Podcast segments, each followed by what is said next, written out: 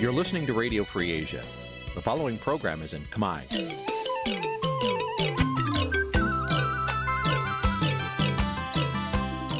Nǐ chi càm bi tiệp xáy vệt chiu a zì sê នេះជាកម្មវិធីផ្សាយរបស់ Vithu Azisari ជាភាសាខ្មែរ វិទ្យុអាស៊ីសេរីសូមស្វាគមន៍លោកអ្នកនាងទាំងអស់ពីរដ្ឋធានី Washington នៃសហរដ្ឋអាមេរិក បាទពីរដ្ឋធានីវ៉ាស៊ីនតោនខ្ញុំបាទសេកបណ្ឌិតសូមជម្រាបសួរអស់លោកអ្នកនាងកញ្ញាទាំងអស់ជាទីមេត្រីយើខ្ញុំសូមជូនកម្មវិធីផ្សាយសម្រាប់ព្រឹកថ្ងៃពុធ10រោចខែអាសត់ឆ្នាំថោះបัญចស័កពុទ្ធសករាជ2567ត្រូវនៅថ្ងៃទី8ខែវិច្ឆិកា គ្រិស្តសករាជ2023បាទជាដំបូងនេះសូមអញ្ជើញអស់លោកអ្នកនាងស្ដាប់ព័ត៌មានប្រចាំថ្ងៃដែលមានមេត្តាដូចតទៅ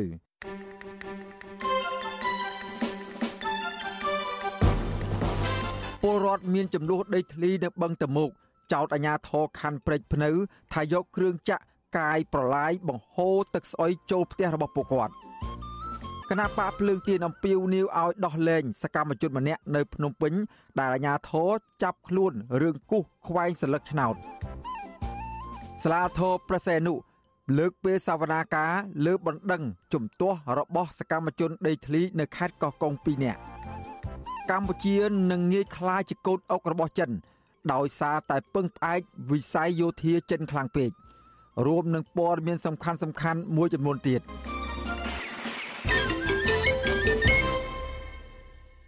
ជាបន្តទៅទៀតនេះខ្ញុំបាទសេកបណ្ឌិតសូមជូនព័ត៌មានពិស្ដាបាទលោកនាងកញ្ញាជាទីមេត្រី ប្រជាពលរដ្ឋនៅក្បែរបឹងតាមុក ស្ថិតនៅភូមិសំរោងត្បូងសង្កាត់សំរោងខណ្ឌព្រែកភ្នៅរាជធានីភ្នំពេញប្រមាណ30នាក់តវ៉ាមិនអោយក្រុមហ៊ុនឯកជន កាយប្រឡាយបង្ហូរទឹកស្អុយចូលផ្ទះរបស់ពួកគាត់ពលរដ្ឋអះអាងថាអាញាធរខណ្ឌព្រែកភ្នៅខុបខិតជាមួយនឹងក្រុមហ៊ុនឯកជន មានចេតនាធ្វើបាប និងបង្ខំឲ្យពលរដ្ឋដោះដូរដីទៅរស់នៅទីតាំងថ្មី ដែលពិបាករស់នៅ។ បាទពីរដ្ឋធានីវ៉ាស៊ីនតោនអ្នកស្រីម៉ៅសុធានីរាយការណ៍ជុំវិញព័ត៌មាននេះបរដ្ឋនៅភូមិសំរោងត្បូងហួសចិត្តនិងតក់ស្លុតនៅពេលដែលកម្លាំងអាជ្ញាធរខណ្ឌព្រែកភ្នៅចំនួន740នាក់បាននាំគ្នាកាន់ញញួរនិងដែកគាស់គម្រាមបរដ្ឋមិនឲ្យរារាំងគ្រឿងចាក់ដែលកាយប្រឡាយនៅព្រឹកថ្ងៃទី7ខែវិច្ឆិកាបរដ្ឋរស់នៅក្បែរបឹងតមោកលោកត្រីសឿនត្រីសុត ប្រាប់បច្ចុប្បន្នស៊ីស្រីនៅថ្ងៃទី7ខែវិច្ឆិកាថាអាញាធរខណ្ឌព្រែកភ្នៅការពៀផលប្រយោជន៍ឲ្យក្រុមហ៊ុនឯកជន កាយប្រឡាយបង្ហូរទឹកស្អុយចូលផ្ទះពលរដ្ឋលោកស្រីសង្ស័យថាការកាយប្រឡាយក្រោយផ្ទះរបស់ពួកគាត់នេះអាចជាលេសរបស់អាញាធរបង្ខំឲ្យពួកគាត់រើចេញឬក៏រៀបគម្រោងចោទប្រកាន់ពួកគាត់ ថាបានរំលោភយកដីប្រឡាយរបស់រដ្ឋសាងសង់ផ្ទះជាដើម។ ការយកអិចមកកាយដីតែពួកខ្ញុំថ្ងៃណាមួយអញ្ចឹងព្រោះតែគាត់ធ្វើបន្លាយឲ្យគាត់ចោលតាបែបយ៉ាងរស់នៅលើដីចំណីផ្លូវផងរស់នៅលើផ្ទៃបឹងអនុក្រឹតផងរស់នៅលើដីបន្លាយចាមអញ្ចឹងគាត់មានពាក្យចោទច្រើនណាព្រោះគាត់តែគាត់ចង់បានដីជាបរដ្ឋអីស្អីក៏គាត់ហ៊ានធ្វើដែរស្រដៀងគ្នានេះដែរបរដ្ឋរស់នៅក្បែរបឹងតមោកម្នាក់ទៀតគឺលោកស្រីសៀដាវីព្រួយបារម្ភពីបញ្ហាសុខភាពកុមារនិងមនុស្សចាស់ នៅពេលដែលមានការបង្ហូរទឹកស្អុយចូលមកសហគមន៍ដែលលោកស្រីរស់នៅ លោកស្រីថាលោកស្រីឈឺចាប់និងរស់នៅប្រៀបដូចជាស្លាប់ក្រោមសម័យសន្តិភាព នៅពេលដែលលោកស្រីដាក់ញត្តិទៅគ្រប់ស្ថាប័នពាក់ព័ន្ធដើម្បីសុំអន្តរាគមន៍ពីរដ្ឋាភិបាលប៉ុន្តែផ្ទុយពីការទទួលបានដំណោះស្រាយពួកគាត់បែរជារងការធ្វើបាបពីអាជ្ញាធរខណ្ឌព្រែកភ្នៅទៅវិញ។ ទោះបីមាននាយករដ្ឋមន្ត្រីថ្មីក៏ដោយក៏ពួកខ្ញុំនៅតែនឹកដល់ពាក្យអ្នកម្ចាស់សន្តិភាពហ្នឹងសូមឲ្យលោកជួយដល់ប្រជាពលរដ្ឋផងបើមិនអញ្ចឹងទេងាប់អស់ងាប់ទី1នឹងអត់អាហារទី2នឹងរងភាពគម្រាមកំហែងទី3ចំណាក់ស្រុកនារាប្រត់ប្រាស់ក្រុមគ្រួសាររងការឈឺចាប់រងការធ្វើទុកបុកម្នេញពីអាជ្ញាធរខណ្ឌព្រៃភ្នៅលោកបំពេញកន្លែងអាស្រ័យផលចង់បានដីលំនៅឋានធ្វើគ្រប់រូបភាពដើម្បីឲ្យពួកខ្ញុំចាក់ចេញពីផ្ទះពីសំបីដើម្បីពួកគាត់យកដីនឹងទៅលក់ឲ្យក្រុមហ៊ុន ក្តីបារម្ភរបស់ប្រជាពលរដ្ឋទាំងនេះគឺនៅបន្ទាប់ពីអាជ្ញាធរខណ្ឌព្រែកភ្នៅប្រមាណ40នាក់បាននាំគ្នាកាន់ញញួរនិងដែកគាស់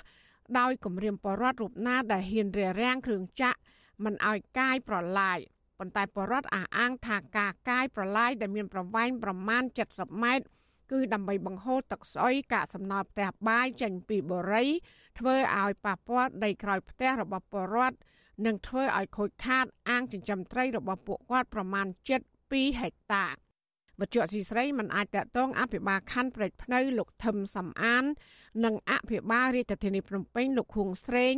ដើម្បីសុំការបកស្រាយជំវិញបញ្ហានេះបានទេនៅថ្ងៃទី7ខែវិច្ឆិកាជំវិញបញ្ហានេះដែរអ្នកសម្របសម្រួលគម្រោងធុរកិច្ចនិងសិទ្ធិមនុស្សនៃមជ្ឈមណ្ឌលសិទ្ធិមនុស្សកម្ពុជាលោកវ៉ាន់សុផាត លើកឡើងថាអាញាធរដ្ឋមានកាតព្វកិច្ច ការពារបរដ្ឋមិនមែនការពារផលប្រយោជន៍ឯកជននោះទេប៉ុន្តែដោយសារការអនុវត្តច្បាប់ធូររលុងធ្វើឲ្យអាជ្ញាធរទាំងនោះធ្វើបាបបរដ្ឋតាមតែអំពើចិត្ត សរុបសេចក្តីមកខ្ញុំថាវប្បធម៌នៃទនភាពហ្នឹងទៅនេះវាប៉ះពាល់ដល់ប្រជាពលរដ្ឋបាទដល់បន្តិចទៀតទៅវារៀលដាលទូទាំងប្រទេសបាទមិនប្រជាពលរដ្ឋទេវាអាចប៉ះពាល់ដល់អ្នកណាផ្សេងទៀតបាទអាហ្នឹងដែលថាឲ្យតែអ្នកណាមានអំណាចមានលុយក្នុងការដល់ផលប្រយោជន៍ឲ្យអាជ្ញាធរសាធារណៈឲ្យកម្លាំងសាធារណៈហ្នឹងគឺថាអ្នកហ្នឹងជាអ្នកឈ្នះអញ្ចឹងអាហ្នឹងវប្បធម៌នៃទនភាពថ្ងៃក្រោយទៅធ្វើសង្គមយើងវាអស្ថិរភាពធ្វើឲ្យមានចលាចលសង្គមណា នេះមិនមែនជាលើកទី1ទេ ដែលអាជ្ញាធរខណ្ឌព្រែកភ្នៅគំរាមកំហែងនិងធ្វើបាបបរដ្ឋជាក់ស្ដែងកាលពីថ្ងៃទី9ខែសុភាកន្លងទៅអាជ្ញាធរខណ្ឌព្រែកភ្នៅប្រមាណ40នាក់បានយករណាយន្តកាត់រុះរើស្ពានឫស្សីប្រវែង80ម៉ែត្ររបស់បរដ្ឋដែលបានសាងសង់សម្រាប់ធ្វើដំណើរនិងឆ្លងទៅក្នុងបឹងដើម្បីបេះត្រកួនរាវខ្យងនិងរកត្រីផ្គត់ផ្គង់ជីវភាពគ្រួសារក៏ប៉ុន្តែក្រុមអាជ្ញាធរទាំងនោះ បានប្រើអំពើហិង្សាលើស្ត្រីជេរប្រមាថនិងចោតប្រកាន់បរដ្ឋថារំលោភយកដីរដ្ឋដើម្បីសាងសង់ស្ពានទៀតផងបើទោះបីជាបរដ្ឋបានអះអាងថាពួកគាត់សាងសង់នៅលើដីរបស់ពួកគាត់ក៏ដោយការតវ៉ាដើម្បីស្វែងរកដំណោះស្រាយរបស់បរដ្ឋនេះបានធ្វើឲ្យបរដ្ឋមួយចំនួនជាប់បណ្ដឹងនៅតុលាការហើយខ្លះទៀតក៏បានរត់ភៀសខ្លួនទៅក្រៅប្រទេសដើម្បីគេចពីការយាយីរបស់អាជ្ញាធរ ចាននាងខ្ញុំម៉ៅសុធានីវិទ្យុអសីស្រីប្រធានាធិបតី Washington បាទលោកនាងកញ្ញាជាទីមេត្រីក្រឡេកមកមើលស្ថានភាពរបស់គណៈបកប្រឆាំងក្រៅរដ្ឋាភិបាលវិញតឡាការក្រុងភ្នំពេញបានឃុំខ្លួនមន្ត្រីគណៈបកភ្លើងទៀននៅក្រុងភ្នំពេញម្នាក់ទៀតគឺអ្នកស្រីណៅស៊ីអ៊ីមកាលពីថ្ងៃទី3ខែវិច្ឆិកាតាក់ទងនឹងរឿងគូសខ្វែងសន្លឹកឆ្នោតកាលពីពេលបោះឆ្នោតคล้ายៗនៅខែកក្កដាកន្លងទៅ មន្ត្រីជាន់ខ្ពស់គណៈបកភ្លើងទៀននិងសកម្មជនសិទ្ធិមនុស្សយល់ថាការចាប់ឃុំខ្លួនសកម្មជនគណៈបកនយោបាយជាបន្តបន្ទាប់មកនេះគឺជាការគម្រាមកំហែងផ្នែកនយោបាយហើយអំពាវនាវឲ្យដោះលែងសកម្មជនទាំងនោះឲ្យមានសេរីភាពមកវិញ បាទលោកច័ន្ទដារ៉ូរាយការណ៍អំពីរឿងនេះជូនលោកដានាង មន្ត្រីគណៈបកភ្លឹងទៀនចាត់ទុកការចាប់ខ្លួនសកម្មជនម្នាក់ទៀតថាជារឿងអយុត្តិធម៌និងជាការដាក់សម្ពាធលើសម្លេងផ្ទុយនឹងអ្នកកាន់អំណាចអ្នកនាំពាក្យគណៈបកភ្លឹងទៀនលោកគឹមសុភិរិទ្ធប្រាប់វិទ្យុអាស៊ីសេរីនៅថ្ងៃទី7ខែវិច្ឆិកាថាទោះបីគណៈបកនេះមិនអនុញ្ញាតឲ្យចូលរួមការបោះឆ្នោតថ្នាក់ជាតិកាលពីខែកក្កដានិងមិនចូលរួមការបោះឆ្នោតអសកលនាពេលខាងមុខក្តីគោសកម្មជន និងថ្នាក់ដឹកនាំគណៈបកភ្លើងទៀនជាច្រើនអ្នកនៅតែរងការគៀបសង្កត់និងចាប់ខ្លួនដាក់ពន្ធនាគារជាបន្តបន្ទាប់ដែលធ្វើឲ្យលំហប្រជាធិបតេយ្យកាន់តែរួមតូចលោកអំពីវនីវដល់រដ្ឋាភិបាលថ្មី និងតឡាការឲ្យដោះលែងសកម្មជន ដែលកំពុងជាប់ឃុំឲ្យមានសេរីភាពវិញ ដើម្បីឲ្យពួកគេជួបជុំក្រុមគ្រួសារនិងអាចធ្វើសកម្មភាពនយោបាយបន្តទៀត គិតថាមកទល់នឹងពេលនេះអាជ្ញាធរដូចជារដ្ឋាភិបាលថ្មីគួរតែធ្វើមិនស្ដារអាស្ថានភាពបរិយាកាសនយោបាយហ្នឹងឲ្យវាបានល្អប្រសើរត្រឡប់មកវិញមកឲ្យវាមានការភ័យខ្លាចក្នុងការដែងមតិឬក៏ការធ្វើសកម្មភាពនយោបាយស្របច្បាប់អីព្រោះអីយើងឥឡូវថ្ងៃនេះយើងត្រូវការការស្ដារឡើងវិញនៅបញ្ហាសេដ្ឋកិច្ចដែលយើងកំពុងតែជួបប្រទះទៅប៉ះពាល់ជីវភាពរបស់ប្រជាពលរដ្ឋភាគច្រើនប្រតិកម្មនេះ គឺធ្វើឡើងបន្ទាប់ពីរដ្ឋាភិបាលលោកហ៊ុនម៉ាណែតបានចាប់ខ្លួនមន្ត្រីគណៈបកភ្លើងទៀនគឺអ្នកស្រីណៃស៊ីអ៊ីមអំឡុងពេលអ្នកស្រីនាំកូនទៅសាលានៅខណ្ឌមានជ័យក្នុងរាជធានីភ្នំពេញ កាលពីថ្ងៃទី3ខែវិច្ឆិកាចៅក្រមស៊ើបសួរនៃសាលាដំបងរាជធានីភ្នំពេញ អ្នកស្រីយីសុកវួចនៅថ្ងៃដដែលនោះបានចេញដីកាបង្គាប់ឲ្យនាំខ្លួនមន្ត្រីគណៈបកភ្លើងទៀនរូបនេះទៅឃុំខ្លួនបណ្ដោះអាសន្ន នៅក្នុងពន្ធនាគារមើពីប្រៃសពីបទញុះញង់បង្កឲ្យមានភាពវឹកវរធ្ងន់ធ្ងរដល់សន្តិសុខសង្គមតាក់ទងរឿងគូខ្វែងសញ្ញាឆ្នោតក្នុងអំឡុងពេលបោះឆ្នោតជ្រើសតាំងតំណាងរាស្ត្រកាលពេលកន្លងទៅទោះជាយ៉ាងណាគណៈបកភ្លើងទៀនចាត់ទុកករណីនេះថាជាការធ្វើទុកបុកម្នេញផ្នែកនយោបាយពួកគេសំអាងថាការចាប់ខ្លួនអ្នកស្រីណៃស៊ីអ៊ីមធ្វើឡើងខុសនីតិវិធីដោយសារអង្គហេតុដែលតឡាការយកមកចោទប្រកាន់ បានកើតឡើងតាំងពីថ្ងៃទី19ខែកក្កដាប៉ុន្តែមកដល់ពេលនេះតឡាការទើបតែចេញដីកាចាប់ខ្លួន ដោយតឡាការមិនបានកោះហៅជនជាប់ចោតទៅបំភ្លឺម្ដងណាឡើយវិទ្យុអាស៊ីសេរីមិនអាចតាក់ទងអ្នកនាំពាក្យសាលាដំបងរាជធានីភ្នំពេញលោកអ៊ីរិនដើម្បីសួរជំវិញរឿងនេះបានទេនៅថ្ងៃទី7ខែវិច្ឆិកាជំវិញរឿងនេះអ្នកនាំពាក្យសមាគមការពារសិទ្ធិមនុស្សអាត់ហុក លោកសង្សានករណាមានប្រសាសន៍ថាការចាប់ខ្លួននិងចោទប្រកាន់មកលើសកម្មជននយោបាយកន្លងមក ជាការរំលោភសិទ្ធិសេរីភាព មិនមែនជាការអនុវត្តច្បាប់នោះទេ លោកបន្តថា បញ្ហានេះនាំឲ្យសហគមន៍ជាតិនិងអន្តរជាតិរិះគន់ប្រព័ន្ធតុលាការនិងដំណើរការប្រជាធិបតេយ្យនៅកម្ពុជា គួរតែបើកនៅសិទ្ធិសេរីភាពដល់ពួកគេឲ្យបានប្រើប្រាស់នៅសិទ្ធិនយោបាយឲ្យបានពេញលេញណាតាមរយៈគណៈបកនយោបាយរបស់ពួកគេសកម្មភាពដែលពួកគេធ្វើស័កសមជាសកម្មភាពដែលអនុវត្តសិទ្ធិនយោបាយអីទាំងអស់នេះគួរតែឲ្យគេអនុវត្តទៅហើយប្រើប្រាស់ការប្រកួតប្រជែងគ្នាលើការបោះឆ្នោតដោយសេរីត្រឹមត្រូវនិងយុត្តិធម៌ទៅខ្ញុំគិតថាបើសិនជាអនុវត្តបែបនេះប្រទេសយើងនឹងអាចរួចផុតអំពីការតាមដានឃ្លាំមើលការដាក់សម្ពាធនានាពីសហគមន៍អន្តរជាតិហើយអ្នកស្រីណៃសាអ៊ីមគឺជាអតីតសមាជិកចលនាស្ត្រីថ្នាក់ជាតិរបស់គណៈបកសង្គ្រោះជាតិនិងជាអតីតជំនួយការអនុប្រធានគណៈបកនេះគឺអ្នកស្រីមូសុកហួរបច្ចុប្បន្នអ្នកស្រីជាហេរញ្ញិកនៃចលនាស្ត្រីថ្នាក់ជាតិរបស់គណៈបកភ្លើងទៀនកាលពេលមានសេរីភាព អ្នកស្រីតែងតែស្វែងរកជំនួយពីសប្បុរសជននានា ដើម្បីជួយពលរដ្ឋក្រីក្រ និងជនរងគ្រោះព្រមទាំងបដិញ្ញាតស៊ូជាមួយគណៈបកប្រឆាំងដើម្បីលទ្ធិប្រជាធិបតេយ្យនិងយុត្តិធម៌នៅក្នុងសង្គមមកដល់ពេលនេះ មានមន្ត្រីគណៈបកភ្លើងទៀនយ៉ាងហោច8នាក់ជាប់ពន្ធនាគារ ដោយតឡាការចោតប្រកាន់ដូចដូចគ្នាពីបទញុះញង់បង្កឲ្យមានភាពវឹកវរធ្ងន់ធ្ងរដល់សន្តិសុខសង្គមតាក់ទងការបញ្ចេញមតិក្នុងយុទ្ធនាការគូខ្វែងសន្លឹកឆ្នោតក្នុងការបោះឆ្នោតកាលពីថ្ងៃទី23ខែកក្កដាដែលជាការបោះឆ្នោតបិទមិនឲ្យគណៈបកភ្លើងទៀនដែលជាគណៈបកធំជាងគេនៅកម្ពុជាចូលរួមការប្រកួតប្រជែងប៉ុន្តែករណីនេះ តុលាការបានដោះលែងសកម្មជនមួយចំនួន ដែលចុះចូលជាមួយគណៈបកកាន់អំណាចមកវិញ រួមមានលោកលីរីលោកឋានារិន និងអ្នកស្រីវងរ៉ូនីជាដើមទោះជាយ៉ាងណាតឡាការមិនបានយកករណីនៅក្នុងសំណុំរឿងដូចគ្នាឬបទចោទតែមួយនោះទៅអនុវត្តបែបនេះលើអ្នកជាប់ឃុំមនសិការឬអ្នកនយោបាយប្រឆាំងទាំងឡាយដែលរក្សាជំហររងមាំដោយមិនបដូរជំហរនយោបាយនោះទេ ចំណែកសហគមន៍ជាតិនិងអន្តរជាតិចាត់ទុកករណីនេះថាជាការធ្វើទុកបុកម្នេញផ្នែកនយោបាយហើយអំពាវនាវឲ្យទម្លាក់ចោលរាល់ការចោទប្រកាន់ប្រឆាំងនឹងសមាជិកគណៈបកប្រឆាំងជាពិសេសដោះលែងពួកគេឲ្យមានសេរីភាពឡើងវិញដោយឥតលក្ខខណ្ឌខ្ញុំច័ន្ទដារោវុទ្ធុអាស៊ីសេរីបាទលោកអ្នកនាងកញ្ញាជាទីមេត្រីតកតងនឹងសកម្មជនគណៈបកប្រឆាំងនេះដែរ ក្រមគ្រួសារសកម្មជននយោបាយដែលកំពុងជាប់ឃុំស្នើសុំឲ្យក្រសួងយុទ្ធភ័ពបញ្ចូលឈ្មោះគ្រួសាររបស់ពួកគេ ក្នុងបញ្ជីអ្នកលើកលែងទោសក្នុងពិធីបុណ្យឯករាជ្យនិងព្រះរាជពិធីបុណ្យអុំទូកក្នុងពេលខាងមុខនេះមន្ត្រីសង្គមស៊ីវិលស្នើសុំឲ្យក្រសួងយុទ្ធភ័ពបន្ធូរបន្ថយទោសនិងលើកលែងទោសដល់អ្នកជាប់ឃុំដោយស្មារភាព និងមិនត្រូវរើសអើងអ្នកជាប់ឃុំមនសិការនោះឡើយបាទពីរដ្ឋធានីវ៉ាស៊ីនតោន លោកទីនសាការីយ៉ារាយការណ៍អំពីរឿងនេះក្រុមគ្រូសាសកម្មជននយោបាយដែលកំពុងជាប់ឃុំលើកឡើងថាដើម្បីបង្ហាញពីការបើកលំហប្រជាធិបតេយ្យឡើងវិញក្រសួងយុទ្ធភ័ពគួរតែបញ្ចូលឈ្មោះក្រុមគ្រូសារបស់ពួកគេនិងអ្នកជាប់ឃុំមនសិការទាំងអស់ទៅក្នុងបញ្ជីបន្ធូរបន្ថយនិងលើកលែងទោសក្នុងពិធីបុណ្យជាតិក្នុងខែវិច្ឆិកានេះប្រពន្ធប្រធានប្រតិបត្តិគណៈបកសង្គ្រោះជាតិរាជធានីភ្នំពេញដែលកំពុងតែជាប់ឃុំលោកកកកំភៀគឺលោកស្រីព្រំចន្ទថាស្នើឲ្យក្រសួងយុទ្ធភ័ពដាក់ឈ្មោះប្តីលោកស្រី ទៅក្នុងបញ្ជីឈ្មោះអ្នកជាប់ឃុំដែលត្រូវលើកលែងទោសក្នុងពិធីបុណ្យជាតិខាងមុខលោកស្រីបន្ថែមថាការលើកលែងទោសឲ្យប្តីលោកស្រី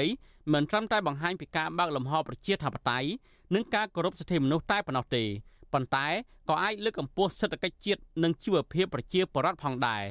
តាមរយៈការទទួលបានការគ្រប់គ្រងពីបណ្ដាប្រទេសប្រជាធិបតេយ្យធំធំចាត់អ្នកទោសអ្នកដាក់ពន្ធនាគារសួរថាចំណេញអីចំណេញបានតែប្រជាពលរដ្ឋវេទនានឹងប៉ុន្តែគាត់ក៏វេទនាដូចគ្នាដែរប៉ុន្តែសំខាន់បើសិនជាគាត់ចង់ឲ្យប្រជាពលរដ្ឋមានមោទនភាពលើគាត់ឬក៏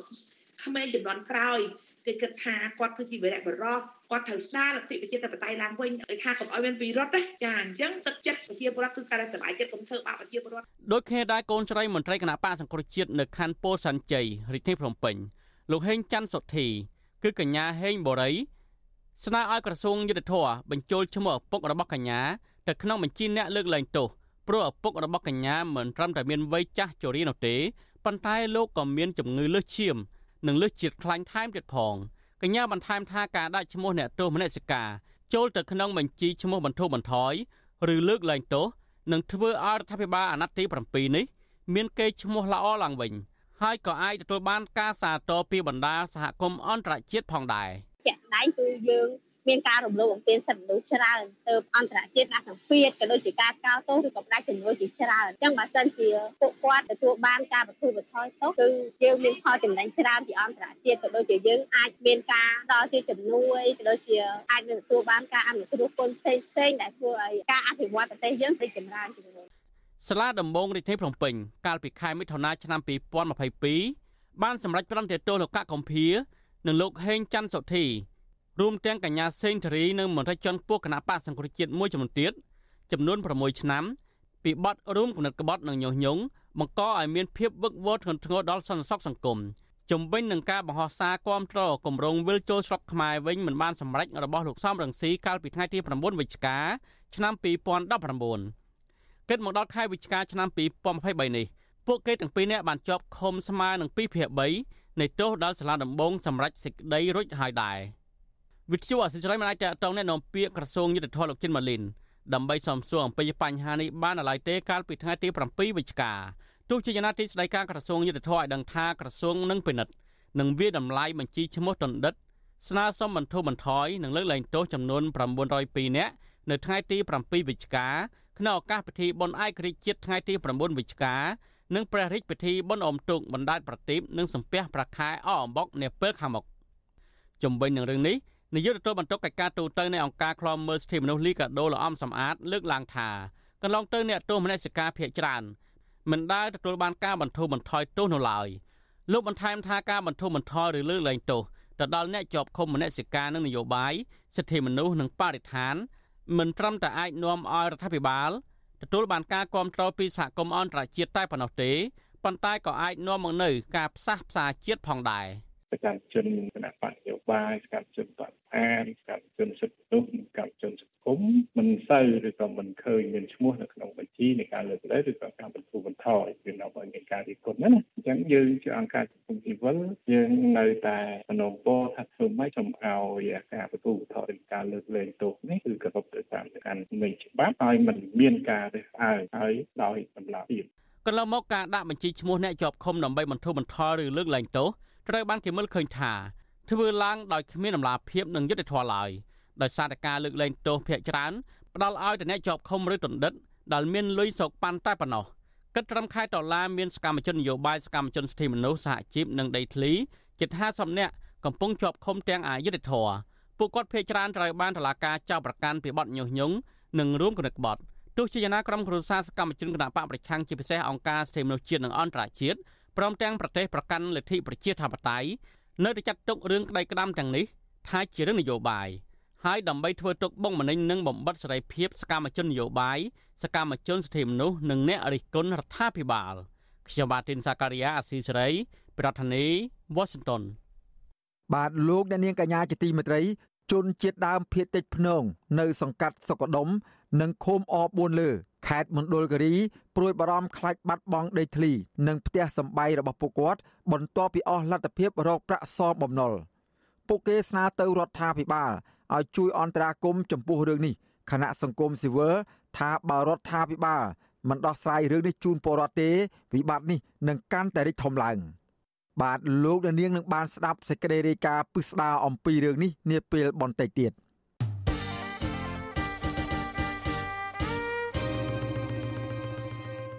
បាទលោកអ្នកនាងកញ្ញាជាទីមេត្រី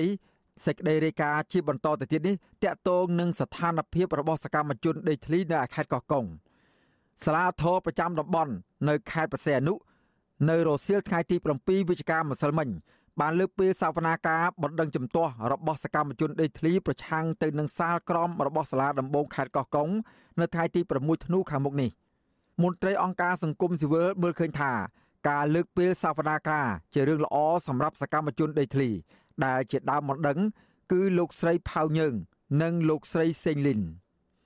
បាទយើងប្រកូលនាទីនេះជូនដល់អ្នកស្រីស្ងួនអាមរារាយការណ៍ជូនលោកនាងពីរដ្ឋធានី Washington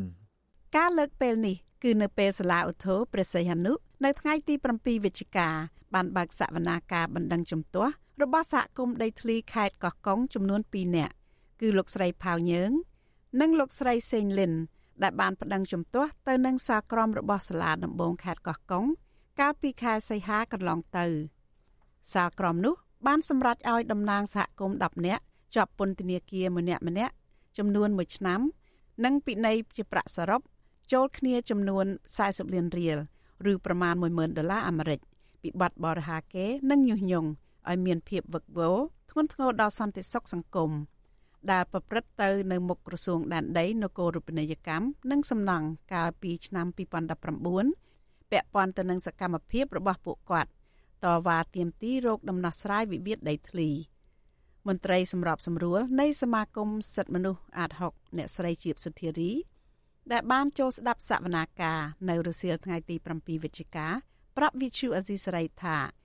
អ្នកស្រីគាំទ្រការលើកពេលសវនាការទៅថ្ងៃទី6ធ្នូខាងមុខនេះអ្នកស្រីបន្តថាការលើកពេលសវនាការនេះ ដោយសារតែលោកស្រីផៅញើង និងលោកស្រីសេងលិន នៅខ្វះឯកសារឬផុសតាងមួយចំនួនតាក់ទងនឹងអង្គហេតុដូចជាញត្តិដែលយកទៅដាក់នៅក្រសួងដែនដីកាលពីឆ្នាំ2019ជាដើមនៅខ្វះ ឯកសារមួយចំនួនដែលពាក់ព័ន្ធទៅនឹងអង្គហេតុនៃរឿងក្តីនេះអញ្ចឹងលោកចៅក្រមនៅយរដ្ឋបានសម្រេចធ្វើការផ្អាកសវនាការនេះសិនដើម្បីទុកពេលវេលាឲ្យមេធាវីរបស់ជនជាប់ចោតនិងជនជាប់ចោតទាំងពីរនាក់ប្រម៉ែប្រមូលឯកសារដែលពាក់ព័ន្ធទៅនឹងអង្គហេតុនេះហើយសវនាការនឹងចាប់ផ្ដើមម្ដងទៀតនៅថ្ងៃទី6ខែធ្នូឆ្នាំ2023អ្នកស្រីជាបសុធារីបន្ថែមថាដើមហេតុដំបូងដែលឈានដល់ការប្តឹងផ្តល់នេះបណ្ដាលមកពីបញ្ហាទំនាស់ដីធ្លី ដែលសហគមន៍របស់គាត់ទៅជាយូរមកហើយនៅមិនទាន់មានប្លង់កម្មសិទ្ធិហើយពួកគាត់បានឡើងមកដាក់ញត្តិស្នើសុំនៅក្រសួងដែនដីដោះស្រាយទំនាស់ក្រៅប្រព័ន្ធតុលាការអ្នកស្រីបន្ថែមទៀតថាការប្រើប្រាស់សិទ្ធិសេរីភាពជាមូលដ្ឋាន ដើម្បីទាមទារឲ្យមានដំណោះស្រាយវិវាទដីធ្លីមិនមែនជាបាត់ល្មើសនោះទេ គាត់បានប្រើប្រាស់សិទ្ធិរបស់គាត់ដែលមានចែងនៅក្នុងច្បាប់ហើយគាត់បានអញ្ជើញឡើងមកដាក់ញត្តិនឹងគឺគាត់មកដោយអត់មានកាន់កាប់វត្ថុឬសម្ភារៈអ្វីដែលបង្កឲ្យមានបញ្ហាគ្រោះថ្នាក់ដល់អ្នកណាម្នាក់ទេហើយពួកគាត់ជាប្រជាពលរដ្ឋអញ្ចឹងក៏អត់មានឥទ្ធិពលអីដែលធ្វើឲ្យមានការភ័យខ្លាចទេសវនាការនៅរសៀលនេះត្រូវបានខ្លំមើលដោយសហគមន៍ប្រមាណ100នាក់ ពួកគាត់មានទាំងចាស់ទាំងក្មេងឈរបាំងឆ័ត្រទាំងមេឃកំពុងភ្លៀងនៅខាងមុខសាលាឧទ្ធរព្រះសីហនុលោកស្រីផៅញើងនិងលោកស្រីសេងលិនត្រូវបានសាលាឧទ្ធរព្រះសីហនុសម្រេចឲ្យនៅក្រៅឃុំបណ្ដោះអាសន្នកាលពីថ្ងៃទី5តុលាក្នុងពេលសវនាការដេញដោលពីបទញុះញង់បង្កឲ្យមានភាពវឹកវរធ្ងន់ធ្ងរដល់សន្តិសុខសង្គមនិងបាត់បរិហាកេជាសាធារណៈពាក់ព័ន្ធទៅនឹងការដាក់ញត្តិនៅក្រសួងដែនដីនគររូបនីយកម្មនិងសំណង់ ក្នុងរាជធានីភ្នំពេញកាលពីឆ្នាំ2019សហគមន៍ដីធ្លីខេត្តកោះកុងអះអាងថាក្រុមហ៊ុនរបស់លោកហេងហ៊ុយបានរំលោភយកដីស្រែចម្ការរបស់ពួកគាត់តាំងតែពីឆ្នាំ2007ហើយពលរដ្ឋបានដាក់ពាក្យបណ្ដឹងទៅក្រសួងរៀបចំដែនដីនិងក្រសួងបរិស្ថានពាក់ព័ន្ធដទៃទៀតជាច្រើនលើកប៉ុន្តែពួកគាត់មិនត្រឹមតែមិនទទួលបានដំណោះស្រាយនោះទេថែមទាំងទទួលរងនឹងការគំរាមកំហែងនិងការប្តឹងបកពីលោកហេងហ៊ុយទៅវិញ ទោះជាយ៉ាងណាអ្នកស្រីជាសុធារីលើកឡើងថាមូលហេតុដែលប្រជាសហគមន៍ឡើងទៅដាក់ញត្តិស្នើស្វែងរកដំណោះស្រាយវិវាទដីធ្លីនោះដោយសារតែពួកគាត់យល់ថាការស្នើសុំដោះស្រាយវិវាទដីធ្លីក្រៅប្រព័ន្ធតុលាការដោយដាក់ញត្តិស្នើសុំទៅក្រសួងជំនាញគឺក្រសួងដែនដីមានប្រសិទ្ធភាពឆាប់រហ័សនិងមិនឆ្លងកាត់នីតិវិធីស្មុគស្មាញជាដើមនាងខ្ញុំស្ងួនអមរា Vithu Azisari ពីរដ្ឋធានី Washington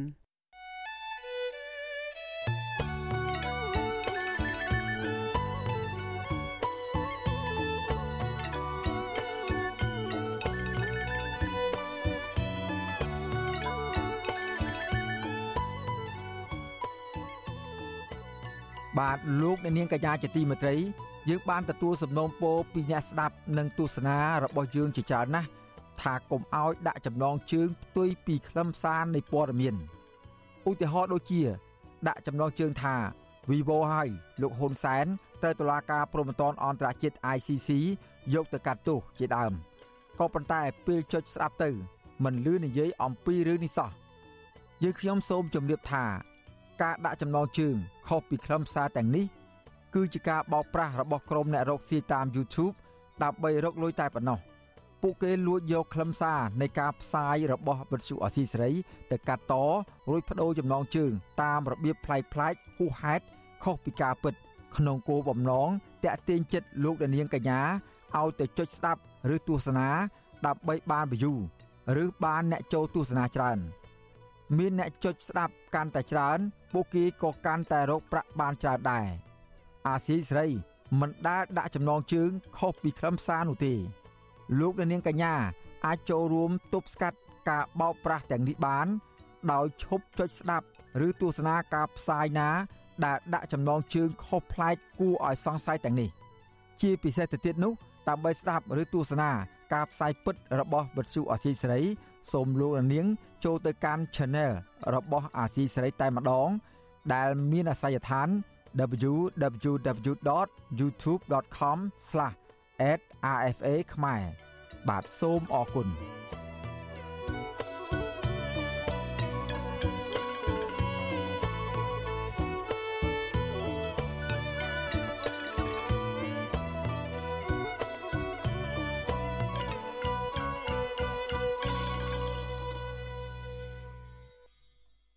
បាទចំណែកសេចក្តីរាយការណ៍ពាក់ព័ន្ធនឹងទំនាក់ទំនងរវាងកម្ពុជានិងចិនឯនោះវិញ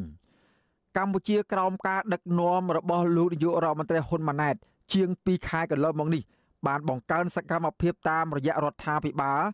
និងមន្ត្រីយោធាកម្ពុជាកម្ពុជាផ្លាស់ប្តូរការបំពេញទស្សនកិច្ចជាមួយនឹងភៀកគីចិន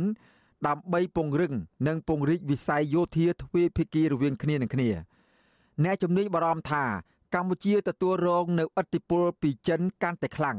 និងអាចคล้ายជាឈ្នន់សម្រាប់ក្រុងប៉េកាំងសម្រាប់មហិច្ឆតា ក្នុងការពង្រីកឥទ្ធិពលយោធារបស់ខ្លួននៅក្នុងតំបន់បាទលោកទីនសាការីយ៉ាមានសេចក្តីរាយការណ៍ដាច់ដライមួយទៀតជូនលោកដានៀងអំពីព័ត៌មាននេះពីរដ្ឋធានីវ៉ាស៊ីនតោនអ្នកតាមដានស្ថានភាពនយោបាយមើលឃើញថាភេកីកម្ពុជានិងចិនបង្កើនសកម្មភាពផ្លាស់ប្ដូរគ្នាបំពេញទស្សនកិច្ចទៅវិញទៅមក ក្នុងគោលបំណងពង្រឹងនិងពង្រីកកិច្ចសហប្រតិបត្តិការផ្នែកយោធារយៈពេលចុងក្រោយនេះអាចពុំមែនជារឿងចៃដន្យនោះឡើយប៉ុន្តែពួកគេថាអាចជាផែនការនៃប្រទេសទាំងពីរដើម្បីស្វែងរកប្រយោជន៍រៀងៗខ្លួនអ្នកតាមដានភូមិសាស្ត្រតំបន់អាស៊ីអាគ្នេយ៍និងប៉ាស៊ីហ្វិកលោកសេងវ៉ាន់លីប្រាប់វិទ្យុអាស៊ីសេរីនៅថ្ងៃទី7វិច្ឆិកាថាដំណើរទស្សនកិច្ចរបស់មេតបជើងគោកចិនមកកម្ពុជាគឺជាកិច្ចខិតខំប្រឹងប្រែងរបស់ចិន ក្នុងការប្រើប្រាស់នយោបាយការទូតយោធារបស់ខ្លួនដើម្បីពង្រឹងយោធា និងជំរុញផលប្រយោជន៍ផ្នែកយុទ្ធសាស្ត្ររបស់ចិននិងពង្រីកទំនាក់ទំនងជាមួយកម្ពុជាបន្ថែមទៀតលោកសង្កេតឃើញថាកិច្ចសហប្រតិបត្តិការយោធានេះកម្ពុជាអាចទទួលបានកម្មវិធីផ្នែកបណ្ដោះបណ្ដាលវឹកវើសមត្ថភាពកងទ័ពតាមរយៈការធ្វើសមយុទ្ធជាមួយចិនបន្ថែមក្នុងគោលបំណងទប់ស្កាត់ការរំលោភបំពានអធិបតេយ្យភាពកម្ពុជាដោយបរទេសណាមួយ។ ទោះជាយ៉ាងណាលោកសេងវ៉ាន់លីប្រមានថាការដែលកម្ពុជាពឹងអាស្រ័យតែកិច្ចសហប្រតិបត្តិការយោធាជាមួយចិនតែម្ខាងកម្ពុជានឹងងាយរងគ្រោះធ្លាក់ចូលក្នុងអន្ទាក់នៃការបម្រើមហិច្ឆតារបស់ចិននិងបង្កឲ្យមានភាពតានតឹងផ្នែកនយោបាយកាន់តែខ្លាំងឡើងនៅក្នុងតំបន់ទន្ទឹមនេះការពឹងផ្អែកលើជំនួយផ្នែកយោធារបស់ចិនខ្លាំងពេកខ្វះដំណាភាពនិងករណីភាពអាចចាស់ផលប៉ះពាល់ដល់ស្វ័យភាពជាយុទ្ធសាស្ត្ររបស់កម្ពុជានិងធ្វើឲ្យកម្ពុជាងាយរងគ្រោះនិងធ្លាក់ចូលក្នុងគន្លងឥទ្ធិពលរបស់ចិនគណៈអរិភាពផ្នែកភូមិសាស្ត្រនយោបាយរវាងចិននិងសហរដ្ឋអាមេរិកនិងសម្ព័ន្ធមិត្តរបស់សហរដ្ឋអាមេរិកដូចជាជប៉ុនអូស្ត្រាលីកំពុងកាន់កម្ដៅយ៉ាងវិញទៀតវត្តមាននិងឥទ្ធិពលយោធារបស់ចិននៅកម្ពុជានឹងកាន់តែបន្ថែមភាពតានតឹងក្នុងតំបន់ជាពិសេសជាមួយប្រទេសជិតខាងដែលមានចំនួនដែនសមុទ្រជាមួយចិននៅសមុទ្រចិនខាងត្បូងតែនេះអាចធ្វើឲ្យទំនាក់ទំនងរបស់កម្ពុជាជាមួយប្រទេសជិតខាងមានភាពតានតឹងនិងអាចនាំឲ្យមានការកើនឡើងនៃអស្ថិរភាពក្នុងតំបន់បន្ថែមទៀតបាទការលើកឡើងរបស់អ្នកជំនាញភូមិសាស្ត្រនយោបាយបែបនេះបន្ទាប់ពីមេបញ្ជាការកងទ័ពជើងគោកនៃកងទ័ពរំដោះប្រជាជនចិនលោកលីឈូមិញបានមកបំពេញទស្សនកិច្ចនៅកម្ពុជាកាលពីថ្ងៃទី6វិច្ឆិកាដោយលោកអះអាងថានឹងបន្តពង្រឹងកិច្ចសហប្រតិបត្តិការជាមួយកងទ័ពជើងគោកកម្ពុជាឲ្យកាន់តែស៊ីជម្រៅ សេចក្តីប្រកាសព័ត៌មានរបស់កងទ័ពជើងគោកនៃកងយុទ្ធពលខេមរៈភូមិន្ទបានដឹងថាក្នុងជំនួបទ្វេភាគីរវាងអគ្គមេបញ្ជាការរងនៃកងយុទ្ធពលខេមរៈភូមិន្ទនិងមេបញ្ជាការកងទ័ពជើងគោកលោកម៉ៅសុផាន់ជាមួយមេបញ្ជាការកងទ័ពជើងគោកចិនលោកលីឈូមិញភាគីទាំងពីរបានឯកភាពគ្នាក្នុងការបដិញ្ញាបន្តកសាងកងទ័ពជើងគោកឲ្យរឹងមាំរីកចម្រើន និងប្រកបដោយមេត្រីភាពជាមួយគ្នាក្នុងគោលដៅបម្រើប្រយោជន៍ដល់គ្នាទៅវិញទៅមក ហើយភាគីទាំងពីរបានអះអាងថា ដើម្បីរួមចំណែកថែរក្សាសន្តិសុខនៅក្នុងតំបន់ជាដើមភាគីចិននិងកម្ពុជាក៏បានគូបញ្ជាក់ពីសារៈសំខាន់ក្នុងការបន្តពង្រឹងវិស័យយោធាជាមួយគ្នាខណៈកន្លងទៅកងទ័ពកម្ពុជាទទួលបានការអប់រំបណ្ដុះបណ្ដាលនិងទទួលបានជំនួយផ្នែកសម្ភារៈនានាពីភាគីចិនអ្នកជំនាញលើកឡើងថាការមកបំពេញទស្សនកិច្ចរបស់មេទ័ពចិននៅកម្ពុជាបែបនេះគឺឆ្លុះបញ្ចាំងឲ្យឃើញថាភាគីចិនត្រូវការកម្ពុជាពុំអាចខ្វះបាន ដើម្បីអនុវត្តយុទ្ធសាស្ត្រនៃមហិច្ឆតារបស់ខ្លួនជាមួយគ្នានេះកាលពីថ្ងៃទី1វិច្ឆិកាថ្មីថ្មីនេះរដ្ឋមន្ត្រីក្រសួងការពារជាតិលោកទាសីហាក៏បានទៅបំពេញទស្សនកិច្ចនៅប្រទេសចិននិងបង្ហាញចំហថាកម្ពុជាមិនអាចខ្វះចិនបានក្នុងការកសាង និងពង្រឹងទំនាក់ទំនងផ្នែកយោធាជាមួយភាគីចិនរីឯអ្នកប្រឹក្សាយោបល់ផ្នែកអភិវឌ្ឍផ្នែកកំណត់និងការស្រាវជ្រាវលោកសេកសុជាតិមានប្រសាសន៍ថាទោះបីជាភាគីចិនតែងតែអះអាងថា ខ្លួនបានជួយវឹកវើកងទ័ពកម្ពុជាកន្លងមកក្តីប៉ុន្តែលោកជឿជាក់ថាសមត្ថភាពរបស់កងទ័ពកម្ពុជានៅមានកម្រិតនៅឡើយលោកថាបញ្ហានេះកងទ័ពកម្ពុជាគួរតែមានកិច្ចសហប្រតិបត្តិការយោធាជាមួយប្រទេសមហាអំណាចផ្សេងទៀតដើម្បីពង្រឹងសមត្ថភាពកងទ័ពរបស់កម្ពុជាឲ្យកាន់តែខ្លាំង។ ទំនាក់ទំនងនេះតើវាបានជួយទៅដល់កម្ពុជានៅក្នុងការពង្រឹងសមត្ថភាពកងទ័ពជាតិបានល្អប៉ុណ្ណាគោលចំហរបស់កម្ពុជានៅក្នុងការរក្សានៅអធិបតេយ្យភាពសម្រាប់ការពារនៅបូរណភាពទឹកដីហ្នឹងវាមានភាពរឹងមាំកម្រិតណានេះជាចំណុចដែលយើងពិបាកនៅក្នុងការរកចម្លើយក៏ប៉ុន្តែយើងភ័យព្រួយនៅមានការបារម្ភផងដែរនោះគឺកម្ពុជាមិនមានមូលដ្ឋានរឹងមាំក្នុងការការពារឯករាជ្យភាពរបស់កងទ័ពខ្លួនដើម្បីសម្រាប់កម្ពុជាទាំងមូលនៅក្នុងការការពារធិបតេយ្យភាពឬក៏នៃរបស់កម្ពុជានឹងបាទកម្ពុជានិងចិនក្នុងឆ្នាំ2023បានធ្វើសមយុទ្ធយោធាចំនួន2លើកគឺសមយុទ្ធយោធានាមាសកាលពីអំឡុងខែមិនិនាផ្ដោតលើការវឹកវើបោះសម្អាតក្របមីនប្រយុទ្ធប្រឆាំងនឹងជំងឺ Covid-19 ការរក្សាសន្តិសុខក្បួនការពារធំធំនិងរបៀបសង្គ្រោះជនរងគ្រោះដោយសារគ្រោះថ្នាក់ធម្មជាតិដោយឡែក លើកទី2ភាគីចិននិងកម្ពុជាបានធ្វើសមយុទ្ធយោធាទេវតាសន្តិភាពឆ្នាំ2023ដោយផ្ដោតលើផ្នែកសុខាភិបាលកម្ពុជាបានរៀបចំសមយុទ្ធយោធាជាមួយកងទ័ពចិនចំនួន6លើករួចមកហើយចាប់តាំងពីឆ្នាំ2016មក នៅទន្ទឹមនឹងនេះរដ្ឋាភិបាលកម្ពុជាបានលុបចោលដោយខ្លួនឯងចំពោះការធ្វើសមយុទ្ធយោធាជាមួយអាមេរិកនិងអូស្ត្រាលីកាលពីឆ្នាំ2017អ្នកខ្លោមើលលើកឡើងថាតំណែងតំណងកម្ពុជាជាមួយអាមេរិកនិងសម្ព័ន្ធភាពរបស់អាមេរិក លើវិស័យយោធានេះគ្មានភាពរីកចម្រើនឬនៅជាប់គាំងចាប់តាំងពីឆ្នាំ2017មកដោយសារតែកម្ពុជាក្រោមការដឹកនាំដោយគណៈបកប្រជាជនកម្ពុជាពុំបានរក្សាគោលការណ៍ប្រជាធិបតេយ្យរំលោភសិទ្ធិមនុស្សជាប្រព័ន្ធនិងលំអៀងនយោបាយទៅកាន់ប្រទេសចិនកុម្មុយនីស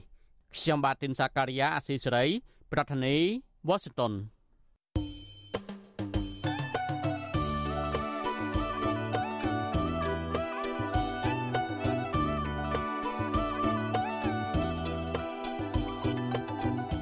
បាទលោកអ្នកនាងកញ្ញាកំពុងតាមដានស្ដាប់ការផ្សាយរបស់វិទ្យុអាស៊ីសេរីពីរដ្ឋធានីវ៉ាស៊ីនតោនសហរដ្ឋអាមេរិកក្រៅពីអស់លោកអ្នកនាង តាមដានស្ដាប់ការផ្សាយរបស់យើងខ្ញុំតាមរយៈបណ្ដាញសង្គមមាន Facebook YouTube និង Telegram ជាដើមនោះលោកអ្នកនាងក៏អាចស្ដាប់ការផ្សាយរបស់វិទ្យុអាស៊ីសេរីតាមរយៈវិទ្យុរលកធាតុអាកាសខ្លី ដែលមានកម្រិតនិងកម្ពស់ដូចតទៅនេះពេលព្រឹកចាប់ពីម៉ោង5កន្លះដល់ម៉ោង6កន្លះ តាមរយៈប៉ុស SW 93.90 MHz ស្មើនឹងកម្ពស់ 32m និងប៉ុស SW 11.85 MHz ស្មើនឹងកម្ពស់ 25m ពេលយប់ចាប់ពីម៉ោង7កន្លះដល់ម៉ោង8កន្លះតាមរយៈប៉ុស SW 93.30 MHz ស្មើនឹងកម្ពស់ 32m ប៉ុស SW 11.88 MHz ស្មើនឹងកម្ពស់ 25m និងប៉ុស SW 15.15 MHz ស្មើនឹងកម្ពស់ 20m បាទសូមអរគុណ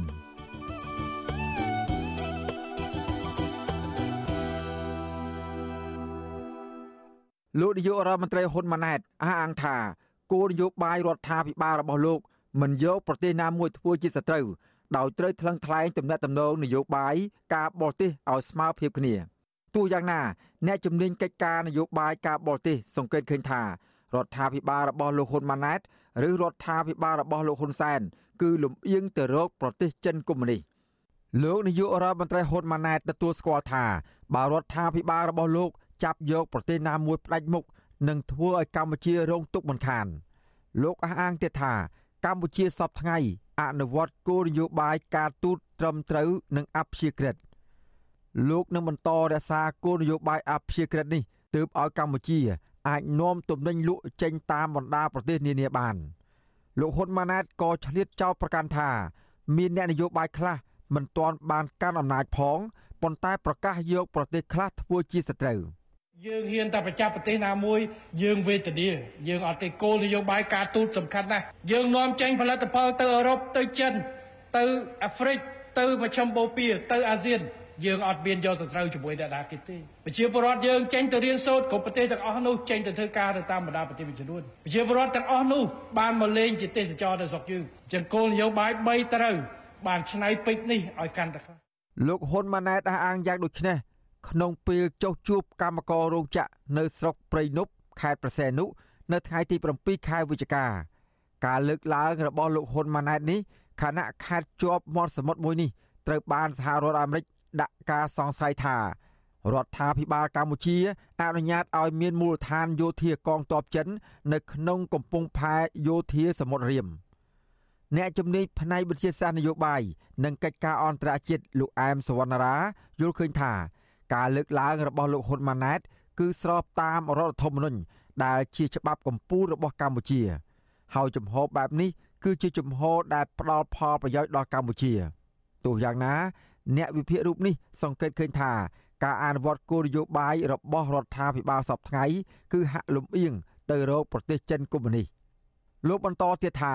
ដើម្បីឲ្យសហរដ្ឋអាមេរិកឬប្រទេសលោកសេរីផ្សេងទៀតទុកចិត្តថាកម្ពុជាអនុវត្តគោលនយោបាយការបរទេសអព្យាក្រឹតនោះរដ្ឋាភិបាលកម្ពុជាត្រូវតែបង្ហាញឲ្យពួកគេបានឃើញមិនអាចអះអាងត្រឹមមាត់ទទេនោះឡើយ។ អឺទស្សនៈខ្ញុំ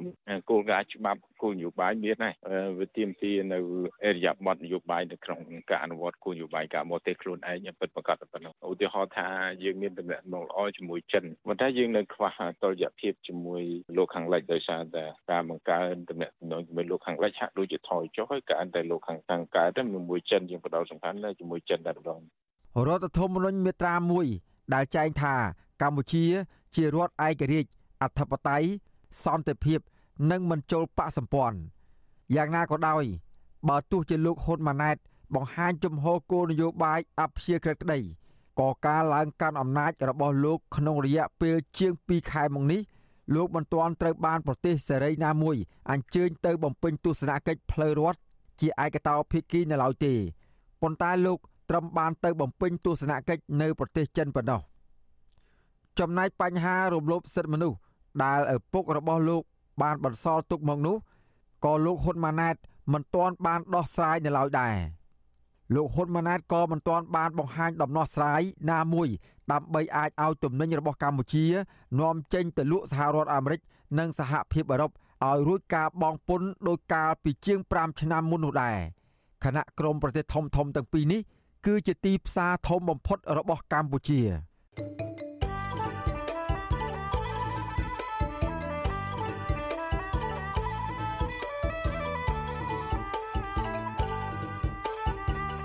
បាទលោកអ្នកនាងកញ្ញាជាទីមេត្រីឥឡូវនេះយើងក្រឡេកទៅមើលវិស័យធនធានធម្មជាតិនិងបរិស្ថានវិញម្ដង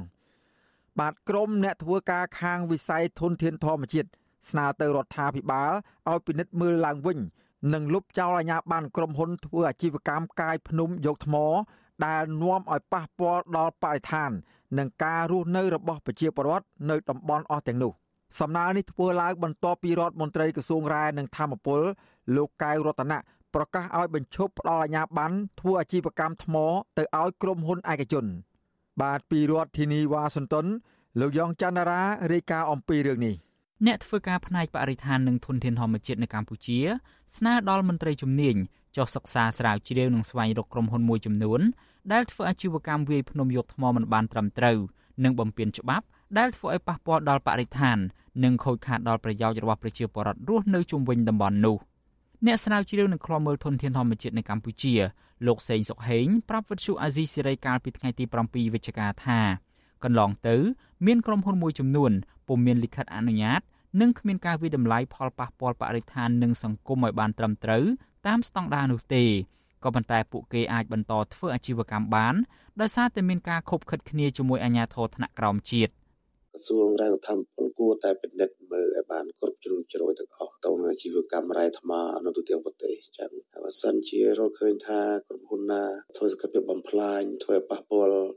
ធនធ្ងរទៅដល់បរិស្ថានទៅដល់ធម្មជាតិថាបើគួរតែបញ្ឈប់ឬក៏លុបអាជ្ញាប័ណ្ណក្រុមហ៊ុនចោលស្រដៀងគ្នានេះដែរអ្នកការពារបរិស្ថាននិងសិទ្ធិមនុស្សលោកម៉ាចត្រាលើកឡើងថាការប្រកាសរបស់ក្រសួងរាយនឹងធម្មពលនេះ ធ្វើឡើងស្ទើរតែហួសពេលទៅហើយពីព្រោះលោកថាភ្នំមួយចំនួនត្រូវបានក្រុមហ៊ុនឯកជនទាំងអស់នោះកោះកាយធ្វើឲ្យប៉ះពាល់ដល់សភនភាពបរិស្ថាននិងប៉ះពាល់ដល់ប្រជាពលរដ្ឋលោកបន្ថែមថាក្រៅពីឈប់ផ្ដល់អាជ្ញាប័ណ្ណរដ្ឋាភិបាលគួរសិក្សាស្រាវជ្រាវស្វែងរកក្រុមហ៊ុនដែលបន្តធ្វើអាជីវកម្មខុសច្បាប់និងប៉ះពាល់ដល់ប្រជាពលរដ្ឋយកមកអនុវត្តទោសទៅតាមច្បាប់ សំណពរឲ្យរដ្ឋាភិបាលឬក៏រដ្ឋមន្ត្រីថ្មីនឹងធ្វើការសិក្សាស្រាវជ្រាវមើលទៅលើក្រុមហ៊ុនណាដែលបន្តអាជីវកម្មធ្វើវាយភ្នំដោយខុសច្បាប់បន្តទៀតហើយត្រូវតែផ្ដល់សំណងទៅដល់ប្រជាពលរដ្ឋដែលរងផលប៉ះពាល់ពីការវាយយកភ្នំនេះបាទប្រតិកម្មនេះធ្វើឡើងក្រោយពីរដ្ឋមន្ត្រីក្រសួងរាយនិងធម្មពលបានបញ្ជាឲ្យបញ្ឈប់ការផ្ដល់អាជ្ញាប័ណ្ណធ្វើអាជីវកម្មកាយភ្នំយកថ្មទៅឲ្យក្រុមហ៊ុនឯកជន កាលពីថ្ងៃទី6ខែវិច្ឆិកានៅក្នុងកិច្ចប្រជុំជាមួយនឹងក្រុមហ៊ុនអាជីវកម្មរ៉ែថ្មរដ្ឋមន្ត្រីក្រសួងរ៉ែនិងធម្មពលលោកកៅរតនៈបានបញ្ជាឲ្យបញ្ឈប់ផ្ដល់អាជ្ញាប័ណ្ណធ្វើអាជីវកម្មវាយភ្នំយកថ្មទៅឲ្យក្រុមហ៊ុនឯកជនប្រសិនបើក្រុមហ៊ុននោះមិនបានអនុវត្តទៅតាមនីតិវិធីរបស់ក្រសួង និងមិនបានសិក្សាពីផលប៉ះពាល់ឲ្យបានត្រឹមត្រូវ។ អ្នកសមាគមថ្មគួរតែរីករាយហើយប្រទេសយើងគួរតែរីករាយគឺខ្ញុំបានដាក់បញ្ជារួចហើយ គឺមិនអោយមានការចេញអាជ្ញាប័ណ្ណវាយថ្មទៀតទេលុះត្រាតែមានការពិនិត្យឡើងវិញសិនទី1ចង់មានការអភិរក្សឲ្យមានតុល្យភាពជាមួយការអភិវឌ្ឍបើទោះបីជារដ្ឋមន្ត្រីក្រសួងរាយនឹងធម្មពលប្រកាសមិនផ្ដល់អាជ្ញាប័ណ្ណឲ្យទៅក្រុមហ៊ុនឯកជននៅពេលនេះក្តីកាលពីចុងខែកញ្ញាកន្លងទៅរដ្ឋាភិបាលបានបើកភ្លើងខៀវឲ្យក្រុមហ៊ុនឯកជន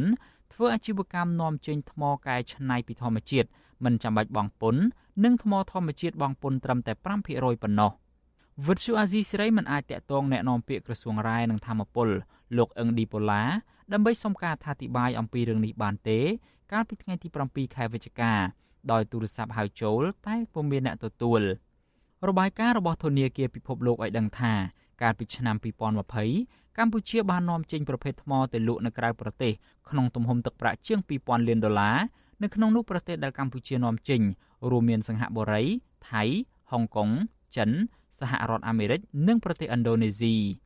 ខ្ញុំយ៉ងច័ន្ទដារាវិទ្យុអាស៊ីសេរី Washington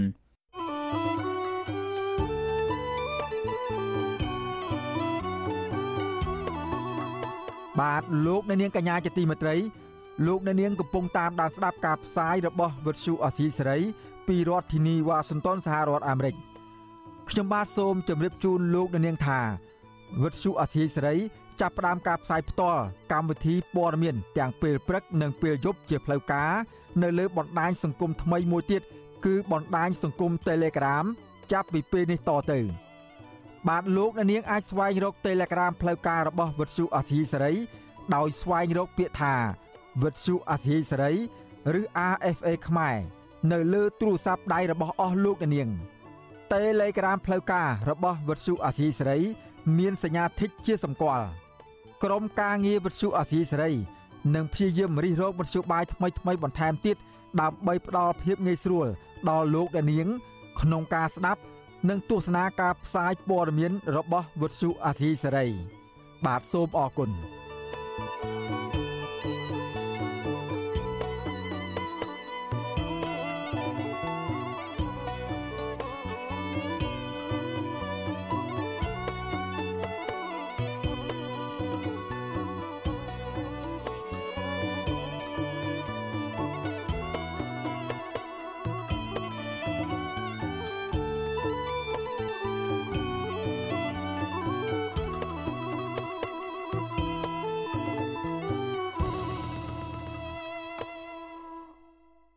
បាទលោកអ្នកនាងកញ្ញាជាទីមេត្រី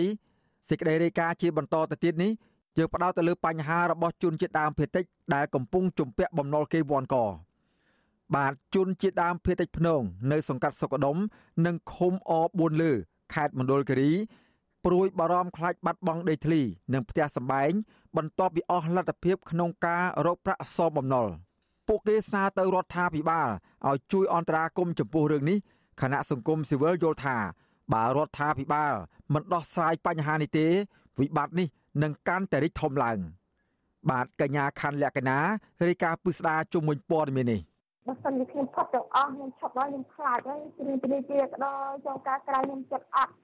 មានបណ្ណាហូបប៉ុណ្ណឹងទៅឥឡូវអត់មានទេនេះគ្រឹះបើខ្ញុំអត់មានអត់មិនទៅឆ្លៀតបេះផ្លែឆ្មោឲ្យកូនឲ្យប្តីបេះទៅលក់បានក៏1គីឡូខ្ញុំភុំ1គីឡូទៅអត់ហ៊ានទៅបេះទៅមហូបទេខ្ញុំហ៊ានជ័យជាដែននៅខ្លាចហ្មង នេះជាការរៀបរាប់របស់ជនជាដើមភាគតិចភ្នងរស់នៅភូមិឡៅកាសង្កាត់សុកដុមក្រុងសែនមនោរមខេត្តមណ្ឌលគិរីលោកស្រីក្លូក្រាក់ដែលបច្ចុប្បន្នមានកូនប្រុសស្រីចំនួន3នាក់ក្នុងបន្ទុក បាននិយាយប្រាប់អ្នកសារព័ត៌មានវិទ្យុអាស៊ីសេរីថា គ្រួសាររបស់គាត់បានខ្ចីប្រាក់ពីធនាគារនិងគ្រឹះស្ថានមីក្រូហិរញ្ញវត្ថុព្រមទាំងបុគ្គលឯកជនប្រមាណ40000ដុល្លារ កាលពីអំឡុងឆ្នាំ2020និង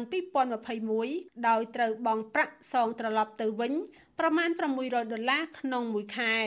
លោកស្រីនិយាយថាការដែលគ្រួសារគាត់ខ្ចីប្រាក់ជាបន្តបន្ទាប់នេះគឺដើម្បីយកមកទិញរថយន្តដឹកដំឡូងនិងគោចិញ្ចឹមរួមទាំងធ្វើផ្ទះជាដើម ដោយសារតែអំឡុងពេលនោះ គ្រួសាររបស់គាត់អាចរកចំណូលបានច្រើន ដែលអាចដោះស្រាយបញ្ហាជីវភាព និងអាចសងត្រឡប់ទៅធនាគារវិញបានប៉ុន្តែចាប់ពីដើមឆ្នាំ2023មក គ្រួសារគាត់រកចំណូលលែងបាន ដូច្នេះដោយបារម្ភខ្លាចមានការរឹបអូសដីធ្លីនោះលោកស្រីក៏បានទៅខ្ចីប្រាក់ពីបុគ្គលឯកជន ដើម្បីយកទៅបង្វិលសងធនាគារតែយ៉ាងណា ដំណោះស្រាយនេះមិនបានធ្វើឲ្យបំណុលថយចុះនោះទេ ផ្ទុយទៅវិញ វាធ្វើឲ្យគ្រួសារគាត់ កាន់តែធ្លាក់ជ្រៅទៅក្នុងអន្ទាក់បំណុលដោយសារតែកម្ចីឯកជនមានការប្រាក់ខ្ពស់ខណៈខាងធនាគារក៏បានប្តឹងគាត់ទៅអាជ្ញាធរក្រោយពីខកខានមិនបានបង់សងឲ្យបានទៀងទាត់តែក្រោយពីមានការសម្របសម្រួលពីអាជ្ញាធរលោកស្រីនិយាយថា ខាងធនាគារបានពន្យាពេលឲ្យគ្រួសាររបស់គាត់ ចិត្តមួយឆ្នាំនេះខ្ញុំរកដល់បានស្បែកតរងក៏ច្រកឆ្នាំងក៏រកអត់បានដែរដល់ចឹងទៅគេពយាឆ្នាំឲ្យខ្ញុំថាដងខែ1 2024នេះទៀតគេឲ្យខ្ញុំបងផ្ដាល់រកតាទៀតទៅហើយខ្ញុំអត់មានទេនេះគ្រូបើលើរកដល់បានផងស្បែករកតែមកថ្ងៃរមម៉ឺនរំបានផងនឹងប្តីលើក៏ប្តីក៏ឈឺទោះបីធនាគារពញាពេលបង់ប្រាក់ក៏ដោយប៉ុន្តែសម្រាប់បំណុលឯកជនវិញ លោកស្រីថាគេមិនបានលើកលែងឲ្យឡើយស្ត្រីវ័យ33ឆ្នាំរូបនេះថាគ្រួសារគាត់ជំពាក់លុយបុគ្គលឯកជនចំនួន2កន្លែង ក្នុងនោះមួយកន្លែងខ្ចីចំនួន10លានរៀលដោយបង់ការប្រាក់ចំនួន1លាន25ម៉ឺនក្នុងមួយខែប៉ុន្តែនៅខែឧសភាឆ្នាំ2023នេះម្ចាស់បំណុលបានប្តឹងគាត់ទៅប៉ុស្តិ៍នគរបាលដោយប្រមានចាប់ដាក់គុក ដោយសារគាត់មិនបានសងប្រាក់ឲ្យបានទៀងទាត់ក្រោយពីមានការសម្របសម្រួលពីអាជ្ញាធរដោយស្នើសុំឲ្យម្ចាស់បំណុលកុំបន្តយកការប្រាក់នោះគ្រួសាររបស់គាត់ក៏សម្រេចលក់គោនិងដីផ្ទះមួយកន្លែង ដើម្បីដោះបំណុលឯកជនមួយម្ចាស់ចំណែកម្ចាស់បំណុលមួយកន្លែងទៀតដែលគាត់ខ្ចីចំនួន12លានរៀលក្នុងនោះត្រូវបង់ការប្រាក់ក្នុងមួយថ្ងៃ120,000រៀលប៉ុន្តែក្រោយខកខាន បង់ការប្រាក់នោះម្ចាស់បំណុលបានជំរុញឲ្យគាត់លក់ដីផ្ទះដែលកំពុងស្នាក់នៅសពថ្ងៃចានៅទាំងអស់មីក្រូនៅគេហៅគេឲ្យខ្ញុំរកលក់ផ្ទះទៅលក់ផ្ទះដល់ប្លង់ផ្ទះខ្ញុំនៅធនាគារដែរខ្ញុំថារកអត់បានថ្ងៃមុនគេហៅទៅខំដែរតែខ្ញុំរកអត់បានម៉ែបើខ្ញុំរកបានខ្ញុំចង់ຕົកឲ្យតែគេជេរគេថាទេខ្ញុំថាអញ្ចឹងដែរតែនឹងគេជំរុញរហូតតែនឹងខ្ញុំអត់មានលុយបើអត់មានមិនតែលុយនឹងប្តីឈឺលើនឹងអត់មានលុយទៅប៉ែតដែរសង ពូឲ្យបាន100000យកប្តីទៅប៉ែតឥឡូវប្តីកំតន់ធូរទៀតខ្លួនឯងនឹងក៏ឈឺដែរនឹងញ៉ាំញ៉ាំញ៉ាំទៅហ៊ានទៅប៉ែតអីណាគ្រូអញមើលទី2ទៀតកូនរៀនក៏មិនបានរៀនកូនជួយខ្លះរៀនខ្លះទៅបើកូនញោមប្រុសអត់បានរៀនទៀតបារម្ភនឹងបារម្ភនេះគ្រូតែដឹងកាត់មិនទេរកអត់បានតែនឹងធ្វើមិនធ្វើអីអត់ចេញកាត់អត់ចេញហ្មងគាត់ជួយរ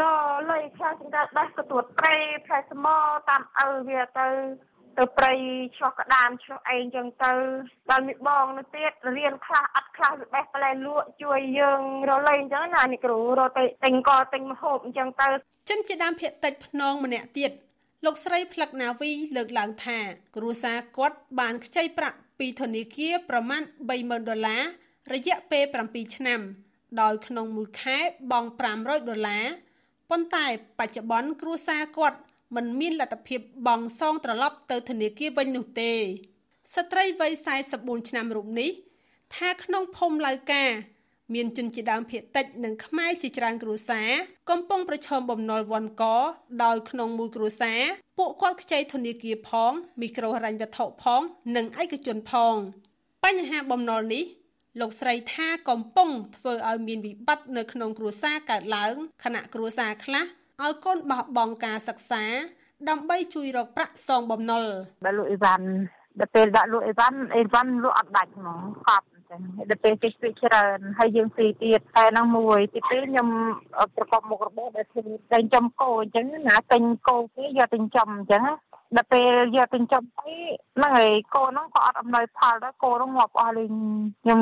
ចំណាយពីដើមគឺគោថៃថៃមួយសា5 600អញ្ចឹងមួយមួយហើយដល់ពេលដល់ពេល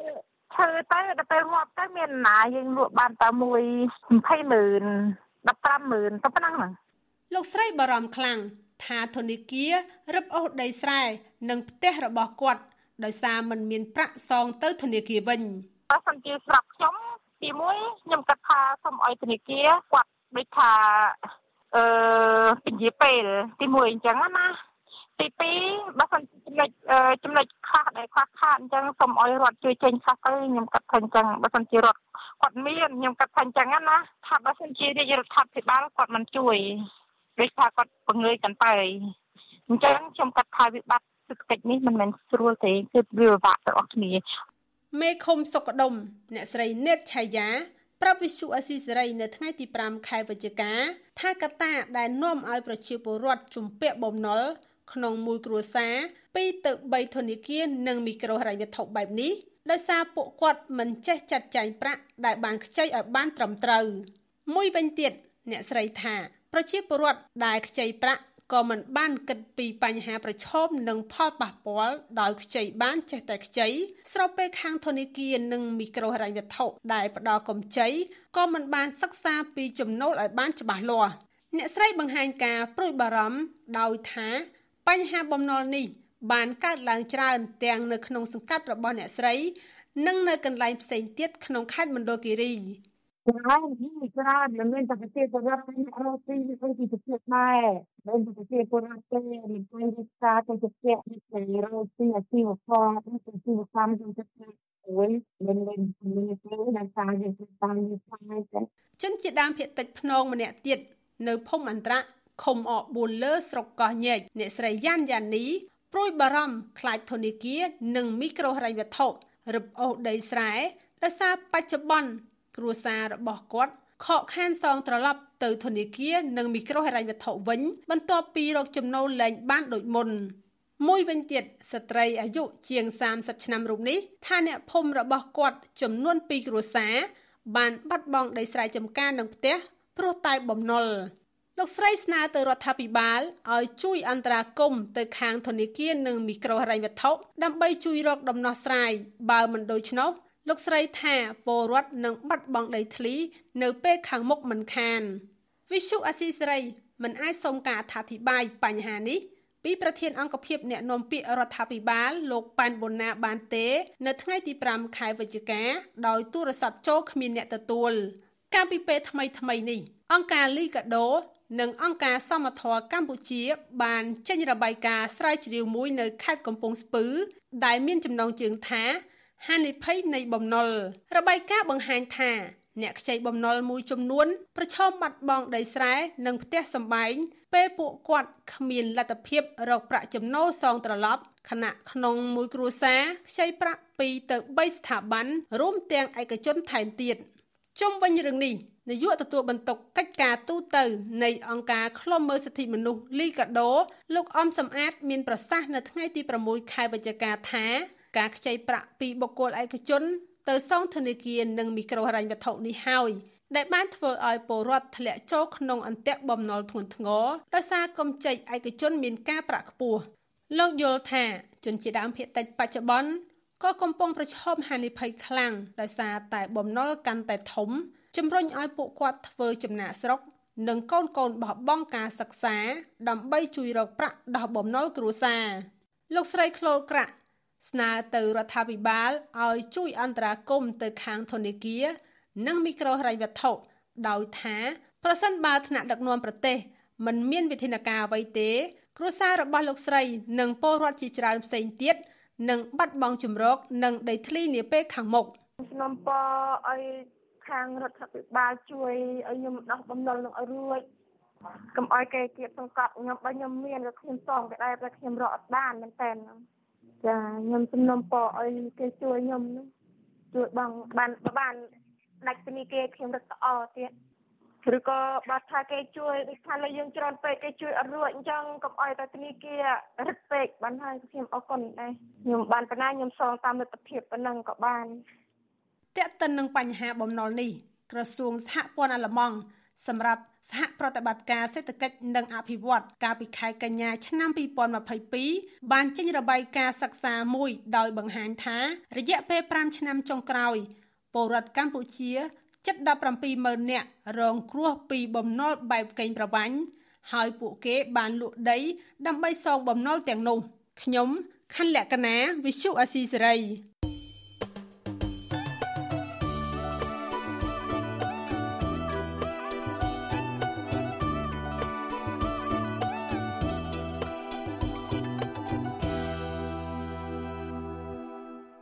បាទលោកនាងកញ្ញាជាទីមេត្រី កម្មវិធីផ្សាយរបស់វិទ្យុអសីស្រីសម្រាប់ព្រឹកនេះចប់តែប៉ុណ្ណេះយើងខ្ញុំសូមថ្លែងអំណរគុណយ៉ាងជ្រាលជ្រៅចំពោះអស់លោកនាងដែលនៅតែមានភក្ដីភាពតាមដានស្ដាប់ការផ្សាយរបស់វិទ្យុអសីស្រីតាំងពីដើមរហូតដល់ចប់យើងខ្ញុំសូមគោរពជូនពរដល់អស់លោកនាងឲ្យជួបប្រកបតែនឹងសេចក្តីសុខចម្រើនរុងរឿងកំបីគ្លៀងគ្លាឡើយខ្ញុំបាទសេកបណ្ឌិតសូមអរគុណនិងសូមជម្រាបលា